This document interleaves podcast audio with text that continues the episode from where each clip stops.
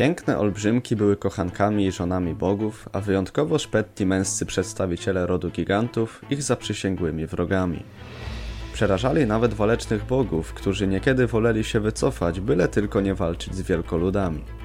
Tak było, kiedy olbrzym Scrimsley postanowił pożreć chłopca Rognira.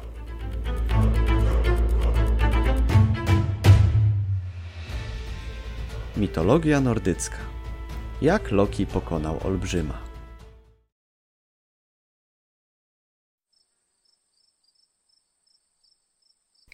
Potężny Scrimsly nie mógł być bardzo głodny, skoro postanowił zjeść na obiad drobnego syna wieśniaka z ubogiego domostwa. Traf chciał, że tam właśnie zawitali pewnego dnia trzej strudzeni wędrowcy Odyn, Honir i Loki, którzy z sobie tylko znanych powodów przemierzali Midgard. Może nie dość im było bohaterskich czynów, którymi mogliby zyskać sławę w dziewięciu światach? Tego wieczoru przebrani za ludzi bogowie pragnęli tylko snu. Daleka droga dała się im we znaki. Gdy zapukali do chatki, gospodarz zaprosił wędrowców do środka, a potem, mimo wyglądającej z każdego kąta biedy, przyrządził im sutą kolację.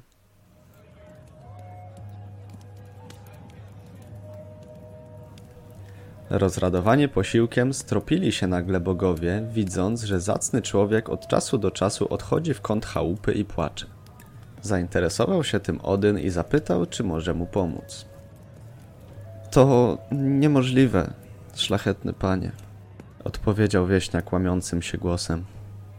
Nikt już nie może nam pomóc. Rano przyjdzie tu straszny Scrimsley, okrutnik olbrzym, który umyślił sobie zjeść Rognira. Bogowie spojrzeli po sobie. Kimże jest Rognir? spytali. To on, powiedział gospodarz, prowadząc ku gościom szczupłego chłopca. Nasz najmłodszy syn, potwór upatrzył go sobie. Na te słowa poderwał się Odyn poczerwieniały z gniewu i sam postanowił ukryć chłopca przed Scrimslim. Podbiegł do drzwi i zaintonował tajemniczą pieśń. Kiedy śpiewał, jałowe ziemie wokół domostwa porosło bujne zboże.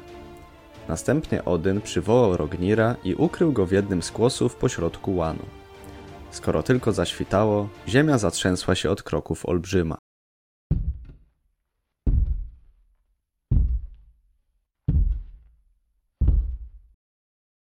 Gdzie dzieciak? Zawył wielkolud. Ukrył się w zbożu, powiedział wieśniak.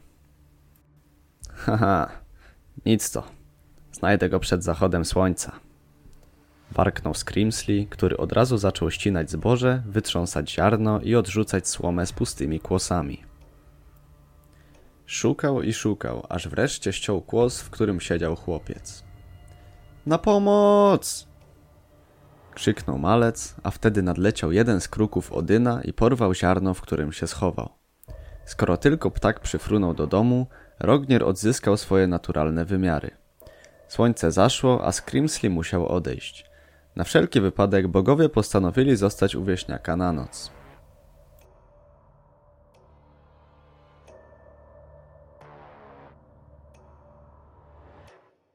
Jakież było jednak przerażenie rodziców Rognira, gdy w pierwszych promieniach słońca wypatrzyli zbliżającą się sylwetkę olbrzyma. Nieoczekiwanie Honir wziął dziecko za rękę i wyszedł tylnymi drzwiami. W lesie za chatką pojawiły się dwa wspaniałe śnieżno-białe łabędzie i Bóg w mgnieniu oka zamienił Rognira w piórko na szyi jednego z nich. Olbrzym stanął w drzwiach chaty. Gdzie dzieciak? krzyknął.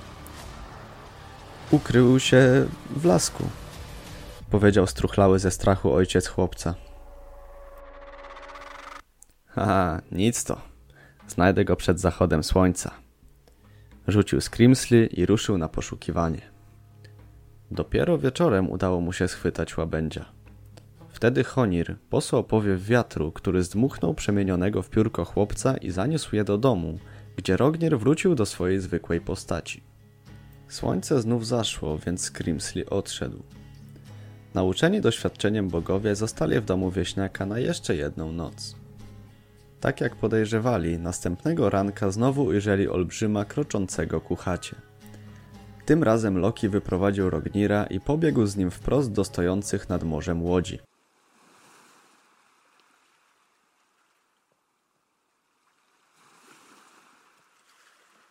Najszybciej jak mógł wypłynął, zarzucił wędkę i wyłowił trzy flądry. Chłopca ukrył w najmniejszym jajeczku ikry jednej z nich i wszystkie trzy wrzucił do wody.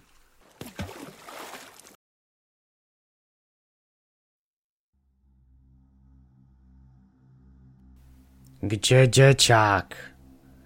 Ryknął olbrzym, stając przed domem. W wyszedł łowić ryby, wyjąkał ojciec. Ha, nic to. Znajdę go przed zachodem słońca. Rzekł wściekły Scrimsley i wsiadł do łodzi.